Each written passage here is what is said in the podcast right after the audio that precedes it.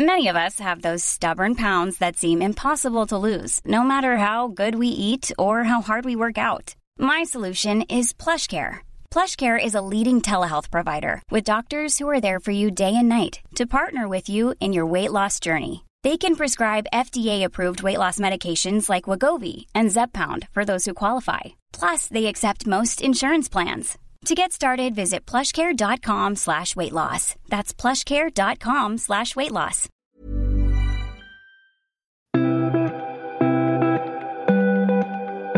Idag i Podcast Mallorca ska jag, Karina, ta hjälp av ett riktigt proffs när vi ska ge dig som gravid tips på att resa.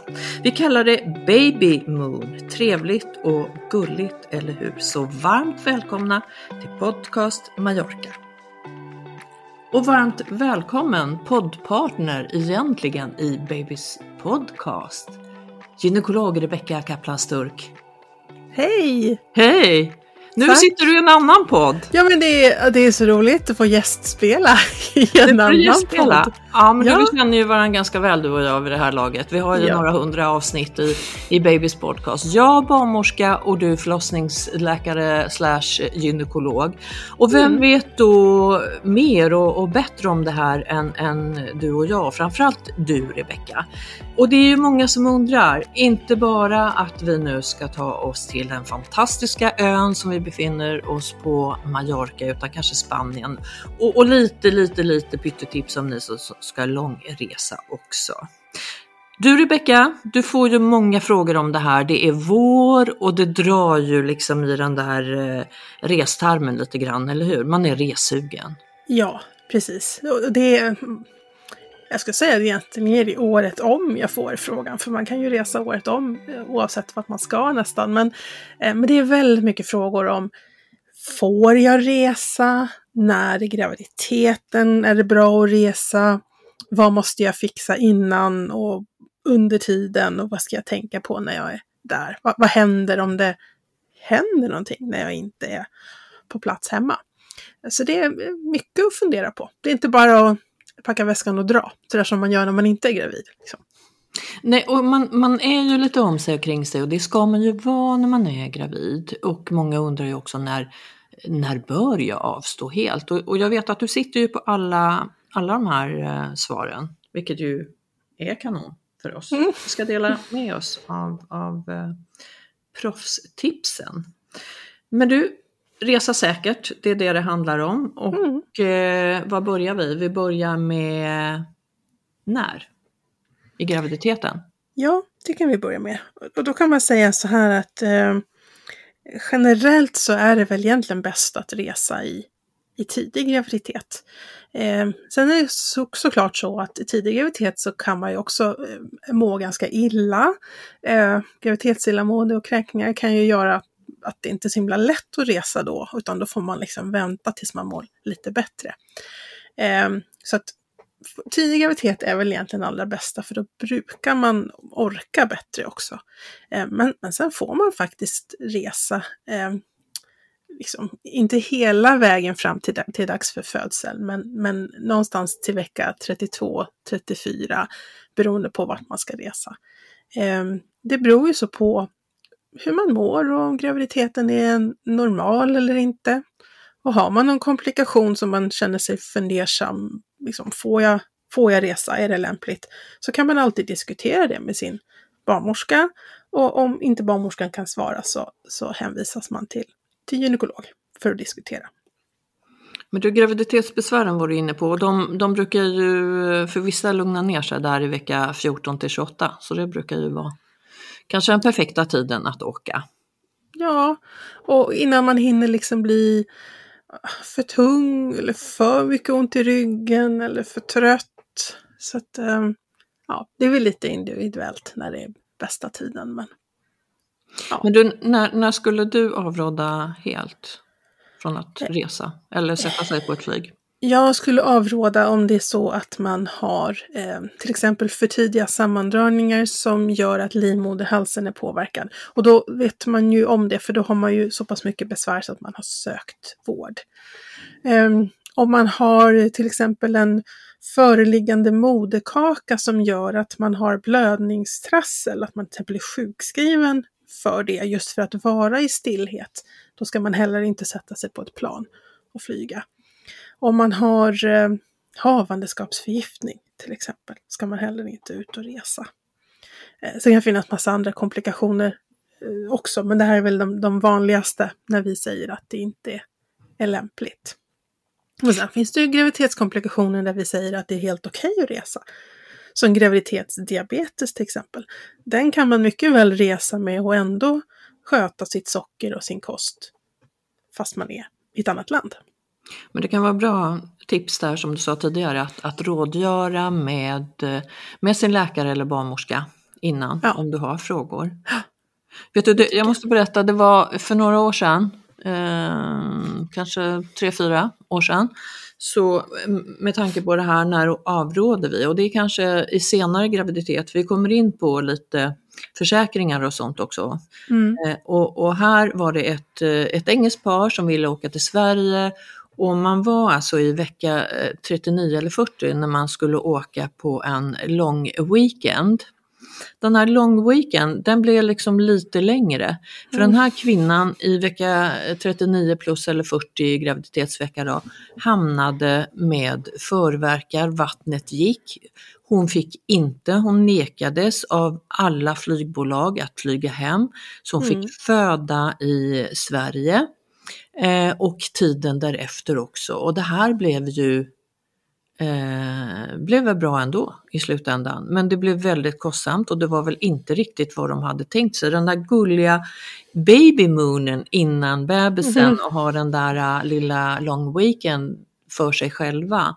Den slutade med att man kom hem med en eh, bebis. Eh, gulligt kanske på sitt sätt men inte riktigt vad man hade tänkt sig.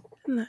Det förvånar mig lite att, att uh att hon fick flyga överhuvudtaget till Sverige i den Exakt. veckan. För att de flesta flygbolag har ju eh, en gräns för när man får flyga. Och det är faktiskt olika från flygbolag till flygbolag. Så det är ett tips till alla er som lyssnar.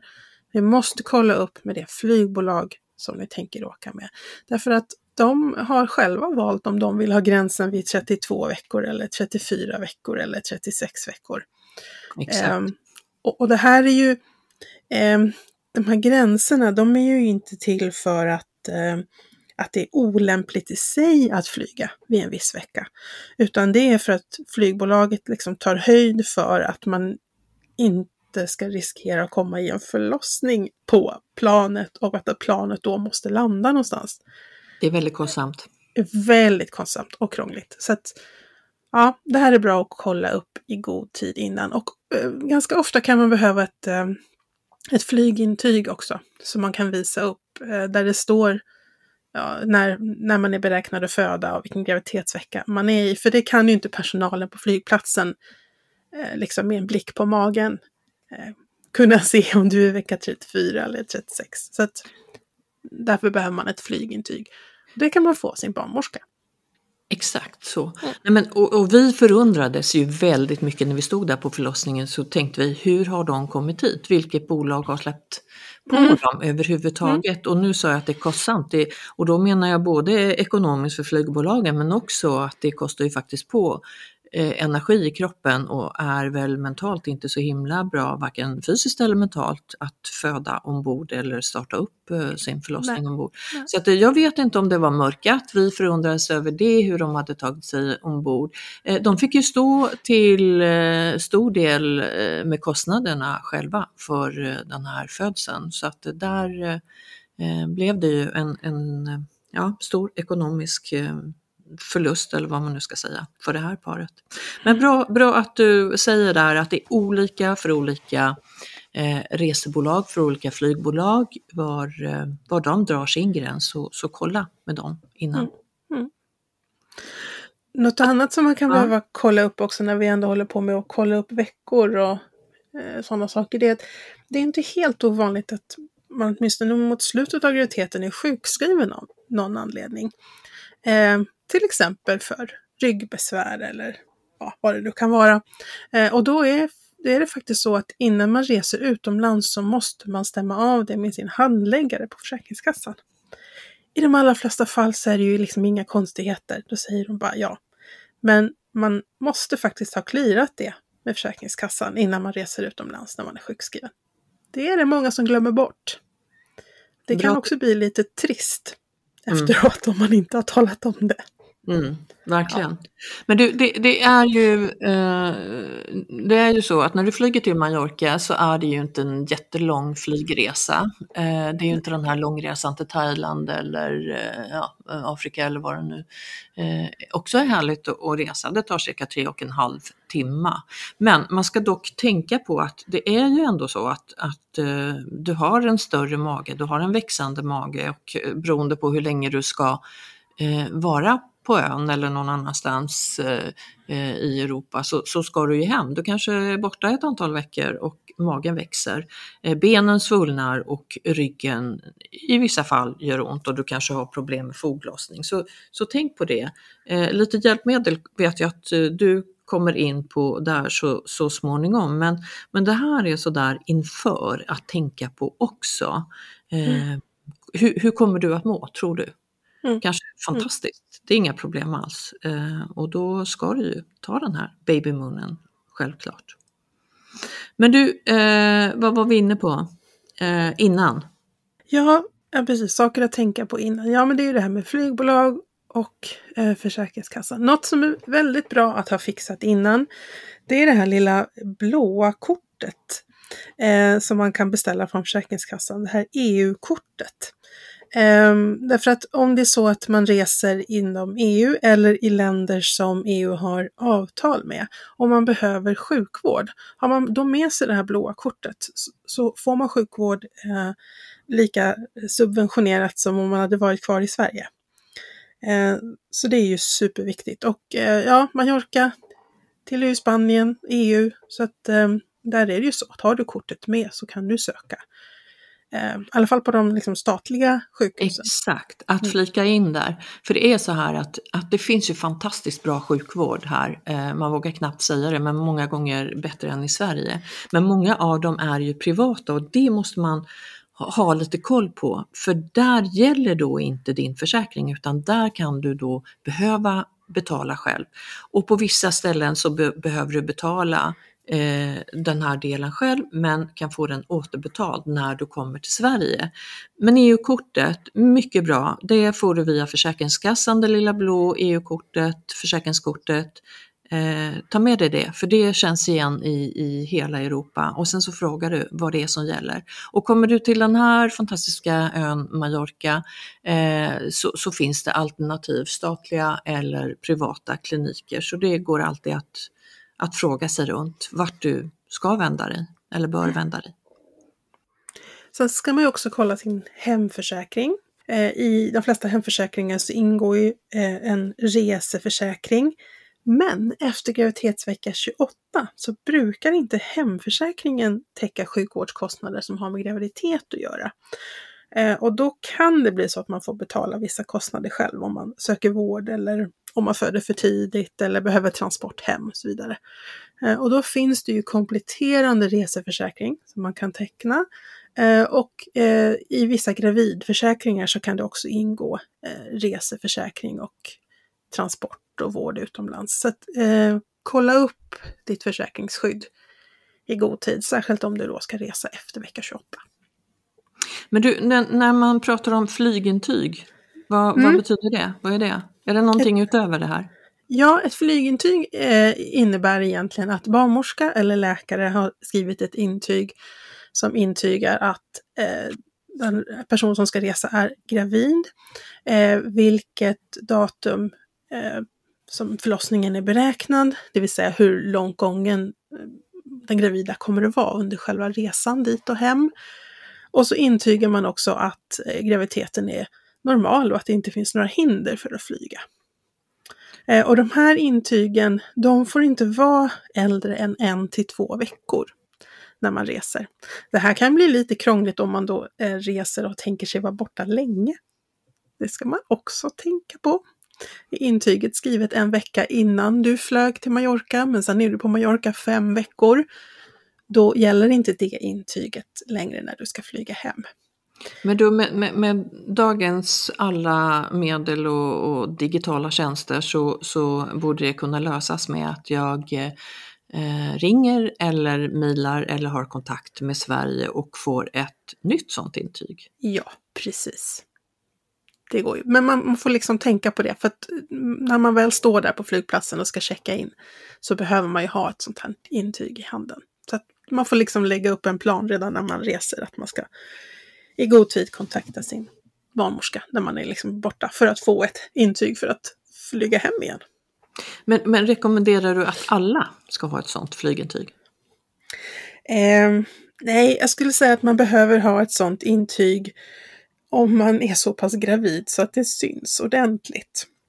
När, när man är så pass gravid så att eh, flygplatspersonalen kan börja fundera på om man är efter vecka 30.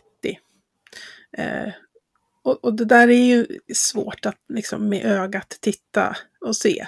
Så därför kan det vara bra, liksom, säg från andra halvan av graviditeten, att man ändå har ett sånt här intyg. Det kan vara klokt. Men, Eller om man men, väntar tvillingar och har en extra stor mage så kan det definitivt vara smart att ha ett flygintyg.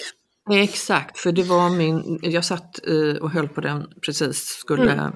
fråga dig om tvillingar som för de flesta ger en lite större mage då. Det är ändå två små gullisar som ligger där inne. Om det är någonting som avråds eh, när, man, ja, när man bär och väntar tvillingar. Mm. Där är ju alltid en individuell bedömning beroende på hur graviditeten har varit liksom, så här långt. Men, men det är ju tungt att bära tvillingar och man har ju generellt en ökad risk för komplikationer. Så att där brukar väl jag oftast rekommendera tvilling, alltså blivande tvillingmammor att res innan vecka 24. Men efter vecka 24, stanna hemma och ta det lugnt. Eller gör korta, korta resor. Eh, men kanske inte när man liksom ska flyga tre, fyra timmar. Mm. Det är lite onödigt. Ja. Mm. Men någonting annat då? Eh, tycker du vi har klarat av det här med försäkringar och eh, tilläggsförsäkringar, gravidförsäkringar? Ja, flygintyg och flygbolag. Det man kan tänka på också eh, är ju sitt vaccinationsskydd. Mm. Det är ju också beroende på om man ska resa. Eh, Mallorca så eh, är det ju inte något ställe där man behöver en mängd vaccinationer. Man kan fundera på sitt skydd mot hepatit A och hepatit B. Och helst ska man ju faktiskt ha tänkt på det redan innan graviditeten förstås. Men eh, det är väl egentligen det enda som, som inte ingår i vårt allmänna vaccinationsprogram, men som kan vara klokt att lägga till om man reser i, i Sydeuropa eller kring Medelhavet. Mm. Och, och, de, eh, och de här eh, hepatit A och B har ju funnits, eller hepatit B har ju funnits väldigt länge. Eh, ja, A och B, Twin Rix, mm. Twin Rix som det heter, kan inte jag prata. eh, de har ju funnits under väldigt många år så att de, de ser man ju som säkra att ha under graviditet också och rekommenderas. Mm. Men du, vi, vi, har ju börjat att rekommendera eh, kikhostevaccin till gravida, eller börja börja, men ganska så nyligen. Är det någonting som du rekommenderar? Och influensavaccin, men influensa det vet vi ju under influensatider. Det kan vi ju ta eh, och rekommenderas. Men kikhosta då? Ja, det, det är en generell rekommendation för gravida. Så det är, och det är ju oavsett om man ska resa eller inte såklart. Sen är det ju så att kikhosta är ju vanligare i en del länder än vad det är i, Europa, än vad det är i Sverige. Så att ska man ut och resa så kan ju det faktiskt vara klokt att ta den vaccinationen innan man åker. Ja, men några andra vaccinationer då som du skulle som läkare rekommendera? Om vi, nu ska, om vi nu ska säga att vi håller oss på Mallorca så är det egentligen bara grundskyddet. Eh, och där kan man behöva kika på om man liksom har alla vaccinationer i, med sig så att säga sedan tidigare. Eh, något som kan behöva fyllas på. Eh, det kan ju vara stelkramp, men, men det är samma sak där. Det ska man ju helst ha gjort innan, innan graviditeten. Tidigare så har det ju varit eh, krav på att man ska ha covidvaccin för att resa. Det är ju borttaget nu, men tycker jag också är någonting man ändå, även om det inte är ett krav, så kan man ändå fundera på att ha ett, eh, ett covidvaccin. Att man har sina doser innan man ska ut och resa. För att eh, ja, även om det är lugnare nu än det var tidigare så är det fortfarande så att covid är aktivt både i Sverige och ute i Europa. Ja, men eh, nu pratar vi mycket, mycket Mallorca här, men, men de här rekommendationerna de gäller ju i Europa i sin helhet. Ja. Malaria har vi ju inte här, Zika-virus har vi ju inte här, gula febern behöver vi inte, det är när ni ska långflyga. Eh, mm. Och Zika finns i Sydostasien framför allt, eller kanske bara. Eh, men, men det finns ju mygg här, eh, dock inga med sjukdomar. Men Eh, det kommer vi också att nämna, men det kan man ju säga redan nu, att ta med dig lite schyssta myggmedel. Eh, så att du slipper få de här stora, stora myggbetten. De är lite aggressiva de här spanska myggen. Mm. Är, det, är det värre för gravida, att, eh, eller värre, ja, blir man mer ofta myggstucken och kliar det mer? Klurig fråga va? Ja, klurig. Inte vad jag känner till, inte vad jag sett i några studier eller artiklar. Eh, om man tänker rent logiskt hur immunförsvaret är uppbyggt under graviditeten och att det är nerreglerat så skulle jag nog säga att man borde reagera mindre på myggbett under graviditet. Att man inte får samma häftiga reaktion med klåda och svullnad eftersom allt annat i immunförsvaret är nerskruvat. Men det, det här är mer att jag tänker liksom mer logiskt hur, hur immunförsvar, hur det reagerar under graviditet. Men om, om man är extra smaskig för myggorna under graviditet, mm. Mm, jag tror inte det. Nej, jag tänkte mer på det här, du har ju en ökad eh, blodmängd eh, som gravid. Nu beror det på var ja. i vilken eh, graviditetsvecka du befinner dig. Men, men ju längre mot födsel du kommer så, så ökar du ju på lite din blodvolym och det är för att du ska ha en extra resurs till födandet. Och jag tänkte det kanske kunde vara lite extra smaskigt. Men nej. Ja, men det är möjligt. Man, man är ju lite varmare i huden och sådär. Det är möjligt, men jag har faktiskt aldrig sett nej. någon studie på det. Nej, och du brukar ju vara den här, eller brukar, du är ju vetenskapsnörden som jag bara ja. älskar. Ja.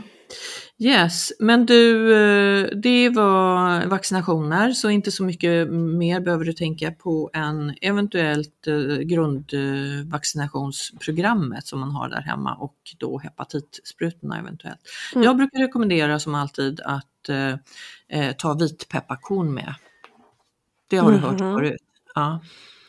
Det, det är, ja. Mm. När jag jobbade eh, för länge, länge sedan med eh, professor Britton, eh, infektionsläkare, så sa han, han bodde själv i Afrika, eh, och då sa han att eh, vitpepparkorn, eh, ta det med frukosten på morgonen, typ en fem eh, hela korn, svälj dem helt, så slår det ut allting som skulle kunna bli eh, någon, någon, någon sån här magvariant. Mm. Eh, vet inte, eh, jag brukar ha med mig det när jag är på långresa faktiskt och jag har ju aldrig varit magsjuk i hela mitt liv. Eh, så att det, jag vet inte om det är bra eller dåligt men, men det finns de som, som hävdar att vitpepparkorn kan vara bra. Det är ju ofarligt så att det eh, om man inte har superkänslig mage, då kanske man får lite ont i magen. Men det är i vart fall inte farligt att prova. Fem korn låter inte som någon hög dos eh, hur som helst. Att, nej, nej, prova. Mm. Eh, men då var vi nästan inne på eh, nej men vi kanske ska ta, vi är på flyget fortfarande. Sen tar vi lite reseapotek.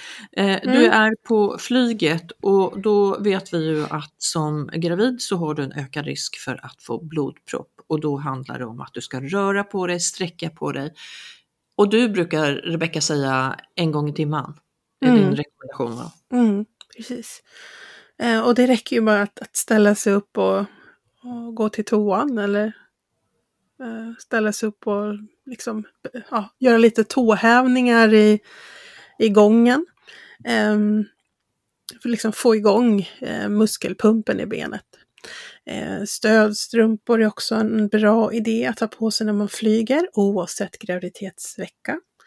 Eh, och se till att man dricker mycket vatten. Eh, dricker man mycket vatten så är det dessutom så att man behöver gå på toaletten oftare och då får man automatiskt sin lilla motion. Så, upp och röra sig. bekväma skor som inte sitter allt för hårt. brukar också vara en, en god idé. Eftersom fötterna svullnar eh, en del när man flyger. Så två storlekar större skor när du flyger för att när du tar av dem så kommer du inte i dem sen. ja, två storlekar kanske. Jag ser nästan så här lite Kalle gång framför mm. mig. Men jag tänker, alltså, något som är bra är ju sneakers, för det kan du ju faktiskt eh, knyta upp. Det mm. kan du ju liksom själv bestämma hur hårt de ska sitta, så det är inte så dumt. Reglera lite. Ja, mm. men tänk, tänk, på det där med, med härliga skor. Rör på dig, sträck på dig, gör lite tåövningar, fotövningar, pendla med fötterna lite grann emellanåt. Och mm. stödstrumpor eller kompressionsstrumpor som vi kallar det, det är bra för oss alla. Mm. Någonting annat där? Det är väl egentligen det under själva flygresan, tänker jag. Bekväma kläder som inte klämmer på magen. Det kan väl också vara skönt. Eh, jag vet att du brukar nämna det här när vi pratar bilresor och nu är det ju framförallt då, det, det är såklart att vi kan sitta i en bil på Mallorca eller till flygplatsen i Sverige för att ta oss till Mallorca och då har vi ett säkerhetsbälte. Och det har mm. vi också eh, ett eh, säkerhetsbälte när vi flyger. Vad säger du om placeringen av det? Att, finns det någonting som vi bör tänka på vad gäller gravidmagen och säkerhetsbältet? Ja, och det här är ju framförallt, eh, liksom, egentligen är det ju råd framtagna för säkerhetsbälte i bil, men det är klart att man kan ju tänka likadant även för bältet i, i flygplanet. Men um, det här nedre, om man i ett bilbälte så har man ju en nedre del och sen har man ju en, en övre som går tvärs över bröstet. Och den nedre delen av bältet den ska liksom ligga under magen, egentligen sitta mer över höfterna.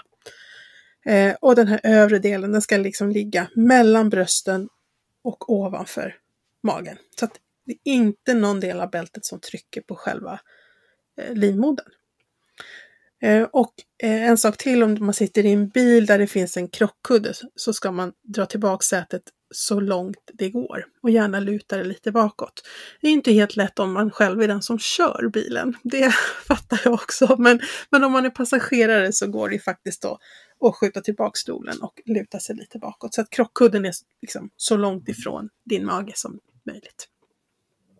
Ibland så säger man till och med att inaktivera krockkuddar. Ja. Jag vet inte när och hur det skulle vara bra eller bättre. För jag menar krockar man så tycker jag att det skulle vara bättre eh, att det få en sån på magen än någonting annat. Men... Ja, det är klart. Det, så är det ju. Det finns ju liksom grader i det hela. Och sen är det också så här hur nära man sitter en krockkudde. Det blir ju, eh, sitter du en bit ifrån så, eh, så kommer krockkudden fortfarande att skydda dig mot de hårda delarna av bilen men inte slå direkt på din mage så fort den löser ut. Mm. Eh, så jag tycker inte man behöver eh, liksom hålla på och krångla med att inaktivera den, men tänka på att sitta en bit ifrån den. Det är ganska mm. skönt att få backa sin, sitt säte och sträcka ut benen. Mm. Jag. Ja. Det går inte så bra på, på flyget. Sätet är där det är. Där har du inte möjlighet det, att flytta bak. Nej, det är som det med ja. det. Ja. Precis. Mm. Men där har vi ingen krockkudde heller. Nej, vi har ingen krockkudde. Men Nej. då tänker jag ibland som turbulensen kan komma väldigt snabbt. Så se till att du har, har det där bältet. Det är ju ett bälte och det är ju inte eh, bilbälte. Nej. Där kan man ju ibland eh, rekommendera också höftbälte eh, istället för det här som, som det här traditionella bältet. Va? Är inte så? I bilen. Men det har vi väl inte på flyget? Nej. Nej. Nej. Nej, Men det får vi... på flyget är en annan, en annan variant. Så Ja, precis. Mm. Så vi får tänka lite grann på hur vi placerar det här bältet. Det var det. Reseapoteket. Vad behöver vi mm. ha med hemifrån? Jag tänker att det kan vara bra att ha med eh, lite saker. Det är ändå så att om vi går på apotek i Sverige så står ju instruktioner på svenska. Eh, är, om vi frågar någon i apotekspersonalen hur det här läkemedlet eh, fungerar, om det är okej okay under graviditet, så, så är det liksom, vi, ja, det är lätt att kommunicera. Om man åker till ett annat land, man kanske inte, Eh, om man åker till Mallorca, man kanske inte är jättevass eh, på spanska, det kan vara svårt att förstå vad som står på, på eh, läkemedlets förpackning och så vidare. Så det kan vara smart att ha med sig svenska preparat som vi är vana vid. Eh, och då brukar jag alltid tipsa om att man ska ha någon typ av smärtlindrande läkemedel med sig som är godkänt för gravida. Som paracetamol till exempel. Eh, jag eh, tycker väl också att det kan vara smart att ha med sig någonting mot halsbränna. Det är väldigt vanligt under graviditet. Om det är så att man brukar ha besvär när man flyger med eh, ja, det slår lock för öronen eller att det spränger i öronen så är ju en nässpray klokt att använda. Som man tar eh, in, strax innan start. Ja, vad skulle man mer kunna tänka sig? Myggmedel har vi redan pratat om. Det kan man köpa på apotek. Solskydd. Jätteviktigt. Exakt, för där, ja. där har du ju pratat många gånger om, Mm. om att det finns solskydd som vi inte rekommenderar och det, eh, vi kan ta dem båda för det, det är viktig information till er som är gravida. Alltså, man kan börja med att säga så här att solskydd i sig är viktigt under graviditet. Därför att eh, det är lättare att man eh, bränner sig när man är gravid, man är mer känslig för solen. Och det är också lättare att få pigmentförändringar när man vistas i solen. Och de här pigmentförändringarna kan sen bli permanenta. Och det är inte så roligt om de sitter i ansiktet till exempel. Så solskydd med hög solskyddsfaktor rekommenderar man till gravida. Eh, egentligen rekommenderar man faktiskt eh, att vara i skuggan och ha, liksom, täcka kroppen Eh, med kläder, för det är ju mer effektivt. Men ibland är det faktiskt så att vi eh, vill ta av oss och bada och så vidare och då ska man ha solskyddsfaktor. Och, och där finns det två olika typer av solskydd. Det ena kallas för ett kemiskt filter och det andra för ett fysikaliskt filter. Och kemiskt filter går till så att där har vi molekyler som liksom tar sig in en bit i huden och där utövar sin effekt att skydda mot de här UV-strålarna. Medan alltså ett fysikaliskt filter lägger sig mera på ytan ovanpå huden. Eh, och det där kan man till exempel se om man smörjer in sig med något, eh, något solskydd som har fysikaliskt filter så blir det som en liten vit hinna. Eh, de, eh, man ska försöka ha fysikaliskt filter under graviditet och så lite kemiskt filter som möjligt. Därför att vi vet inte riktigt hur, hur de här kemiska filtren, hur de liksom tar sig in i kroppen och hur de eventuellt kan påverka den gravida och fostret. Eh, så att rekommendationen för gravida är att använda solskydd som är för barn. För där är det liksom framförallt fysikaliska filter. Sen kan det finnas många produkter i en blandning, men då är det främst fysikaliska filter och väldigt lite kemiska filter i, i produkter till barn. Men tror du att man kan, eh, för i Sverige så vet vi ju att, att vi kan lita på det eh, när vi går in på apoteken och frågar eller köper för barn. Men, men du tycker att det är så pass säkert när jag går in på Mallorca eller någon annan stad, eh, by i Spanien och, och köper det här för att använda till, till mig som gravid, någonting för barn. Det, det är lika säkert? Um, ja, det borde det ju vara, för vi har ju samma, eh, vi har ju EU-riktlinjer för vad det får finnas i solkrämer, i alla fall till barn. Så att jag tänker att om du går in på ett spanskt apotek och, och, och vill ha solskydd till barn så ska det följa samma regler som vi har i Sverige. Men som sagt, tycker man att är man inte supervass på spanska så kan det vara ganska tryggt och skönt att köpa någonting hemma innan och ha med sig. Mm. Bra tips. Ja. ja, är det något annat man ska ha i sitt reseapotek? Eh, ja, men reseapoteket, solkräm var du inne på, solhatt och kläder mm. var du inne på. Eh, känslig för pigmentförändringar och sen att vi får den där, för, för, vi är ju rädda om oss och bebisen i magen. Så att det är solkrämen som då är rekommenderad för gravida. Stödstrumpor var du inne på, eller kompressionsstrumpor som vi också kallar dem. Eh, och, och, det är för blodproppsrisken, ökad sådan. Och ju äldre du är som gravid, ju större risk finns det för det. Mm. Vit repaktion sa vi, ta med det hemifrån om du vill. Eh, någonting som jag kan rekommendera är vätskeersättning. Eh, det kan vara mm. varmt där du är eller du kan bli magsjuk eller på annat sätt och inte få i dig så mycket. Vätskeersättning, det finns eh, såklart på apotek och andra ställen Eh, här på Mallorca men eh, vill du så köper du med hemifrån, typ Resorb. Värktabletter, paracetamol var du inne på, halsbrännemedel, nässpray, myggdeo, eh, finns det någon myggspray eller deo som du skulle säga inte rekommenderas med tanke på att det går in i kroppen och kan påverka fostret, bebisen? Um, där ska jag säga att jag kan inte de olika märkena som finns. Jag tycker alltid att man uh, kan gå in och köpa på apotek. Um, därför att där finns alltid en möjlighet att fråga. Och apotekspersonal kan sina produkter. Um, så att som gravid hade jag gått in på ett apotek och frågat efter ett myggmedel. Ett apotek i Sverige, ska jag säga. Mm.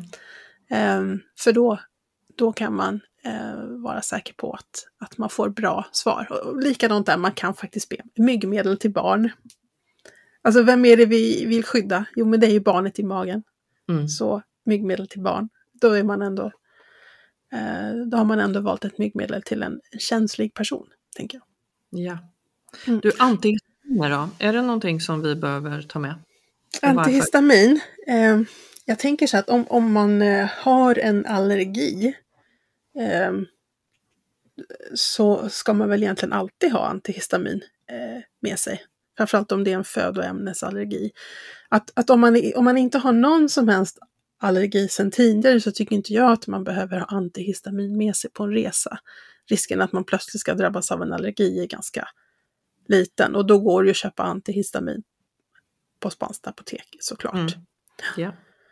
Eh. Läkemedel mot svampinfektion då? Det, det satt jag faktiskt och funderade på alldeles nyss här, för att svampinfektion är ju väldigt, väldigt vanligt under graviditet. Och eh, är det då varmt och fuktigt och badkläder och sådär så ökar ju risken Eh, ännu mer. Eh, och där tänker jag, det är nog någonting som jag skulle rekommendera att man köper med sig hemifrån Sverige. För att vara helt säker på att man får preparat som är okej okay under graviditet. Och som inte irriterar på något annat sätt. Um, och då, eh, då finns det ju lokalbehandling som man då ska välja. Lokalbehandling med en kombinationsförpackning med både slidpiller och kräm. Eh, fråga på apoteket vilken det är som rekommenderas under graviditet. Så att du får rätt preparat med dig. Men lokalbehandling är det som gäller. Men du, för att minimera risken för svampinfektion, eh, skulle, för nu, man vill ju jättegärna bada i både pool och i havet. Mm. Eh, och man är lite extra infektionskänslig. Mm. Eh, och man kan lättare få svampinfektion. Eh, du, du, brukar annars nämna, eh, inte specifikt nu när man ska bada pool och hav då, men duscha normalt sådär som gravid så brukar du säga att ha någon olja och, och så här som kan vara lite skyddande. Mm. Säger du det är extra mycket här eller vad, vad är din rekommendation som gynekolog? Alltså rekommendationen är ju alltid att tvätta med en olja eh, tvätta underlivet med en olja. Eh, och eh, ja, kanske vara extra noga med det om det är så att man ligger framförallt mycket i pool och badar. För poolvattnet har en tendens att torka ut väldigt mycket. Ehm, och ehm, i många länder så använder man betydligt mer klor i poolvatten än vad vi gör i Sverige, så då blir det ju ännu mer uttorkande. Så att då duscha med en olja och kanske smörja underlivet med Eh, en olja morgon och kväll kan faktiskt eh, hjälpa slemhinnan att stå emot både torrheten men också svampen. Ehm, man kan också tänka sig att eh, har man tänkt att man ska ligga mycket blöt i badet så kan man faktiskt smörja sig i underlivet med någonting som gör att vattnet pärlar av och inte torkar ut. Som till exempel vitt vaselin. Eh, kan man bara smörja det på, på blygdläppar och i slidmynningen och så på med baddräkten. Och sen gärna då byta till en torr baddräkt så att inte ligga i en blöt baddräkt. Eh, för den här fukten gör ju också att det blir en ökad risk för svampinfektion. Så byt till något torrt och eh, när du inte har badkläder så ha något luftigt på dig. Enkelt. Men det där vita vaselinet, det är ju magic. Men det kan man ha till mycket. Kan jag säga. Ja men alltså det är bra mot överallt där man kan tänkas få skav. Mm. Ja. Mycket bra tips. Mm.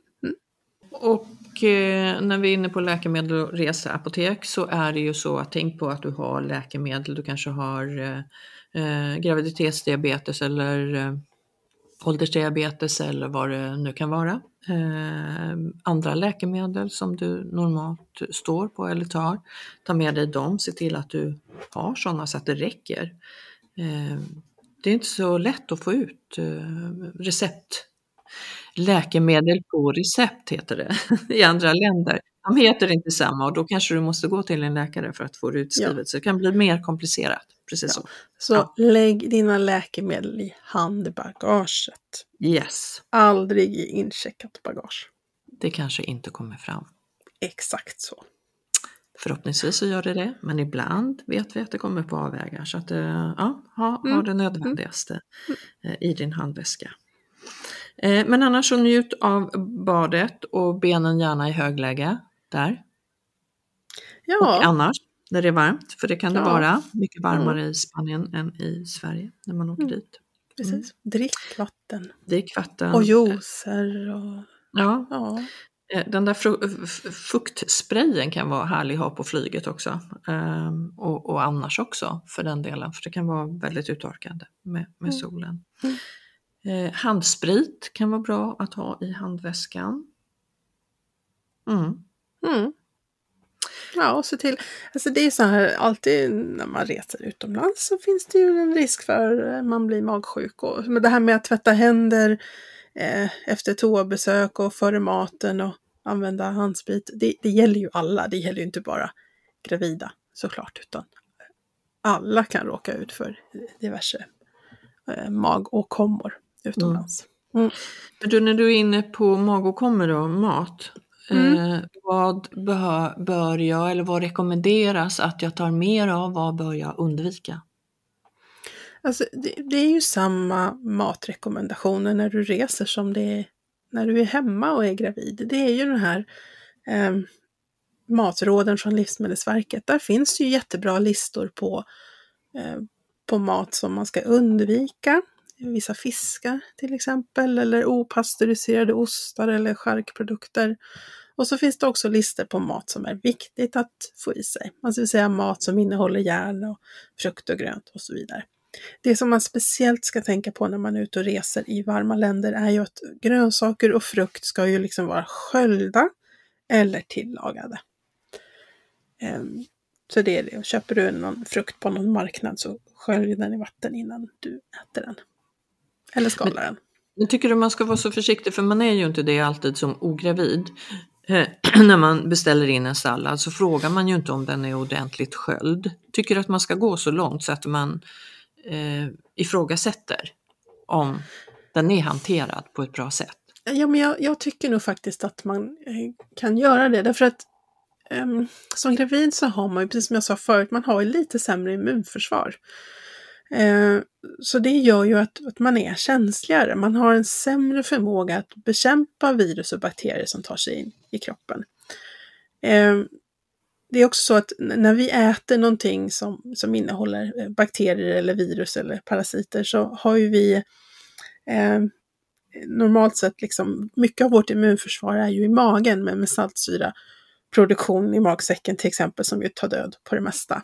Men då kanske det är så att man har mycket halsbränna och sen har man eh, ätit tabletter mot halsbränna som då ska minska saltsyraproduktionen. Ja, då har man faktiskt också lite sämre immunförsvar eh, mot saker som ramlar ner i magsäcken. Så att jag tycker nog att man kan vara en eh, krävande restaurangkund mm. och insistera på det. Absolut. Eller skippa sallad och, laga, och istället äta något som är tillagat. Mm. Men du, så är det ju också så att ibland så säger vi att det är varmt och eh, eh, uttorkande, ibland behöver vi lite extra salt. Eh, hur är det med det? Alltså vi vet ju att blodtrycket kan vara lite si och så mm. för gravida. Ska vi extra salta på maten? Eh, för det handlar ju också om att samla på sig vätska. Ja, eh, att salta extra på maten rekommenderas egentligen inte. Eh, därför att den typ av salt som man då lägger på, det kan faktiskt eh, göra att blodtrycket stiger och faktiskt också göra att svullnaden i kroppen blir värre. Att man blir ännu mera eh, liksom, svullen om ben och händer och ansikte och så vidare. Eh, så att är det så att man svettas mycket eh, för att man är varm och man svettas kanske mer som gravid också, då är det bättre att man i så fall kompenserar det med hjälp av vätskeersättning. eller med mat som är naturligt salt. Eh, som till exempel oliver. För där är en annan typ av salt som inte på samma sätt påverkar vårt blodtryck eller vår tendens att samla på oss vätska. Och dessutom väldigt gott. Ja, i alla fall om man gillar oliver. Men jag tillhör ju, jag tillhör ju klubb oliv. Jag tycker det är Ja. så grymt gott. Jag anmäler mig också till den och checkar in där. Jag Mm. tycker det är gott. Och här finns det otroligt mycket oliver på vår vackra ö Mallorca. Mm. Mm. Ja, bra vätskeersättning där istället. Men någon, någonting annat som du säger, big no-no. Big no-no. Ja. Annars njut och ät ja, njut och ät. Kasta ett öga ibland på Livsmedelsverkets rekommendationer om du blir osäker. Men som sagt, det är samma regler när du är ute och reser som hemma. Det som är bra nu, jag menar alla har en, en smartphone med sig. Eh, det går väldigt lätt och enkelt att hitta de här råden på Livsmedelsverket i sin mobil och bläddra fram om man känner sig osäker på någon viss typ av fisk till exempel. Det tyckte jag själv var det svåraste att lära sig utan till vilken fisk som var okej och vilken som inte var det. Så att säga. Men det är bara att titta i sin telefon. Eh, Ja. Så får man fram det. Ja, men det går ju snabbt och enkelt. Det är Ja. ju ett väldigt bra sätt. Sen Ja, tänkte jag på något så här, ja men hur man ska, hur man ska liksom planera sin resa och sin tid och allt man gör under en resa. Ehm, tänker jag just liksom om man reser till Spanien eller Mallorca eller någon annan eh, spansk ö eller ort. Ehm, ta fasta på traditionen med siesta. Det är Ja. faktiskt guld. Det är ju som gjort för gravida. Att en stund på eftermiddagen lägga sig, vila, lägga upp benen, sova en liten stund, lägga sig i ett svalt rum. Eh, Det är jättehärligt. det är jättehärligt. Eh, och, och för gravida skulle jag säga, i alla fall i slutet av graviditeten, nästan nödvändigt. Man behöver inte vara ute och härja i de varmaste timmarna på dagen och det är bra att lägga sig och vila en stund när man har ätit lunch. Så Mm. gör det. Ta siesta. Mycket energi och kraft och man mår mycket bättre av det. Mm. Mycket bra tips där Rebecka. Vi har gått igenom en väldig massa saker. Ja, jag kan inte komma på något mer som jag skulle vilja rekommendera mer än att liksom njuta av sin resa. Planera den lite extra i och med att du har en bebis i magen och, och Eh, vi vill att alla ska må bra. Vi har ju våra journalanteckningar i 1177 idag.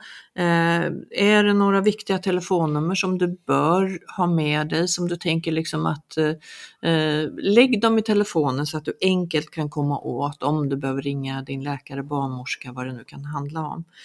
Om du nu inte får direkta tips på Livsmedelsverkets hemsida till exempel vad gäller mat. Eh, ja, om det skulle vara någonting annat. Telefonnummer och journalanteckningar men det mesta finns ju på 1177 som du Mm. kan plocka upp direkt. Och som man kan få översatt på olika sätt. Google Translate till exempel. ja. det Inte blir ju en hjälplig översättning i alla fall. Så att, Ja. ja. Man behöver ju inte planera för, för eh, problem och trouble liksom, men, men det, är alla, det är mycket bättre om man har den där eh, säkerhetslinan med sig från början och säkerhetstänket. Eh, kanske en annan liten detalj som jag tänkte på nu här och det är att i, ju längre du har gått in i graviditeten så kan brösten läcka lite grann. Det kan komma lite råmjölk, lite bröstmjölk. Så du kan köpa här i Spanien eller hemma om du har eh, sådana här bröstinlägg, sådana här pads ifall det är så eh, att du behöver. Eh, Det är inte jättekul om man har en snygg blus och brösten Mm. börjar läcka igenom bhn. Liksom. Så ha, ha lite sådana pads där. Men annars så njut av sol och värme, siesta, baden, maten. Ja, av allt. Av baby moon. Eller vad säger du, Mm, Rebecka? det tycker jag, absolut. Mm. Och planera så mycket du kan innan allt det här tråkiga byråkratiska och resa i apotek och allt sånt. Har du liksom tänkt igenom det innan så blir resan så mycket skönare och mer avslappnad. Bara njuta. Ja, sen beror det ju på var man befinner sig på resemålet också. Ibland så är det ju lite längre att ta sig till ett apotek och då kan det vara väldigt skönt att ha klart allting. Du har allting fixat. Ja, njut av det. Njut av Mallorca. Och Rebecka, Ja, tack för alla bra tips. Resa som Välbekomme. gravid. ja väl bekomme. Men du, vi hörs ju snart igen och det gör vi ju i Babys podcast och där tänker jag att vi ska rekommendera också för er som vill bli gravida, är gravida eller med små barn. Vi har ju väldigt, väldigt, väldigt massa andra tips där också. Så det är bara att scrolla i den långa listan av snart 300 poddavsnitt där vad gäller eh, fertilitet, graviditet, förlossning och tiden därefter. Men här i Podcast Mallorca så tack för den här gången Rebecca Kaplan Sturk, världens bästa vetenskapsnörd och läkare, gynekolog, förlossningsläkare med mera, med mera, med mera. Vi hörs snart igen Rebecka. Ha det gott. Ja. Tack snälla för idag. Tack, hej då. Hej och hej till er alla där ute. Njut som sagt av fantastiska Mallorca eller någon annanstans dit ni reser i världen. Vi hörs snart igen och då kommer Carolina Kallentoft också att joina som poddpartner. Ta väl hand om er, ha det gott, tack och hej för idag.